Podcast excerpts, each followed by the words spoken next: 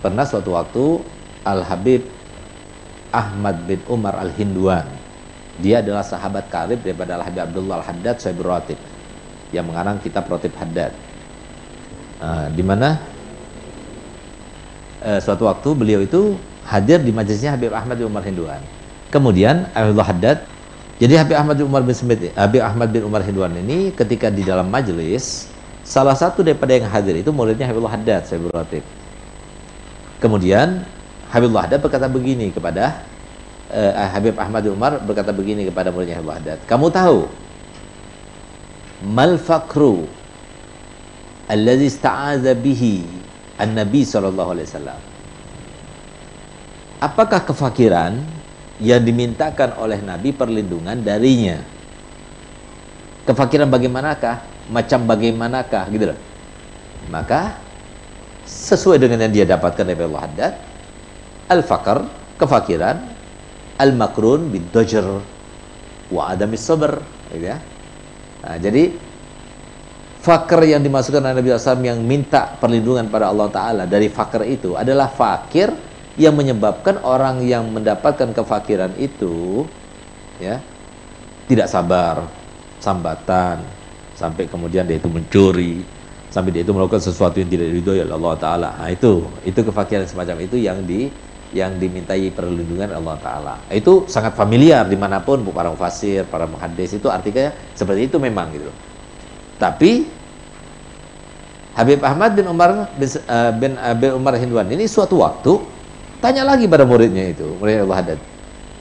Ya fulan, mal fakru alladhi ista'adza bihi an-nabi sallallahu alaihi wasallam.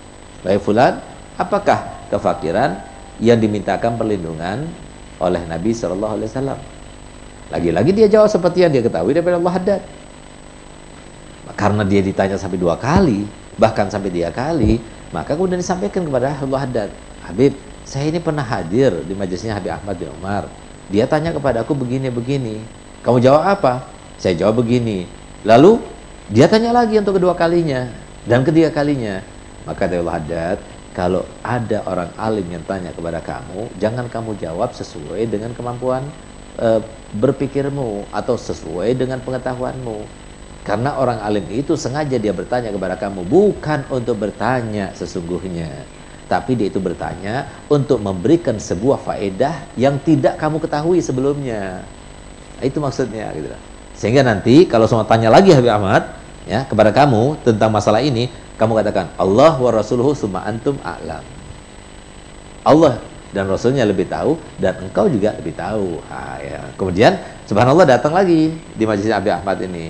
Ketika beliau itu datang di majelis Abi Ahmad ditanya lagi mal fakru alladhi ista'adha bihi Nabi SAW kemudian Nabi kemudian, uh, uh, apa Abi Ahmad bin Umar menjawabnya khosyatal fakr kefakiran yang diminta oleh Nabi SAW dalam uh, doa-doanya meminta perlindungan pada Allah Taala daripada kefakiran itu. Bukan kefakiran yang seperti yang kau sebutkan itu.